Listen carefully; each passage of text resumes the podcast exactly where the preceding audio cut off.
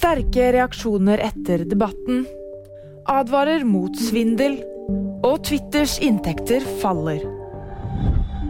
Både politikere og seere reagerer på uttalelsene fra Rødt om våpenstøtte til Ukraina under tirsdagens debatten.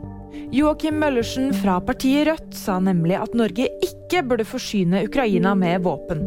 Han mener at Nato ønsker å holde krigen gående for å svekke Russland. Flere har reagert på uttalelsen, bl.a. venstreleder Guri Melby og Møllersens egen partifelle Boje Ullmann.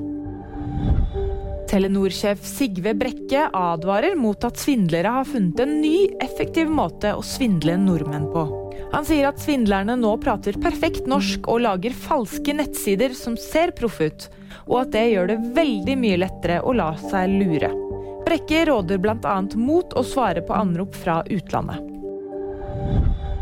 Twitter har mistet 40% av inntektene det siste året. Det melder en journalist fra teknologinettstedet Platformer. Samtidig har Twitter-eier Elon Musk snart frist på en rekke betalinger i forbindelse med kjøpet av selskapet, som kostet han 44 milliarder dollar. Og VG-nyheter de fikk du av meg, Fride Rivø Lie.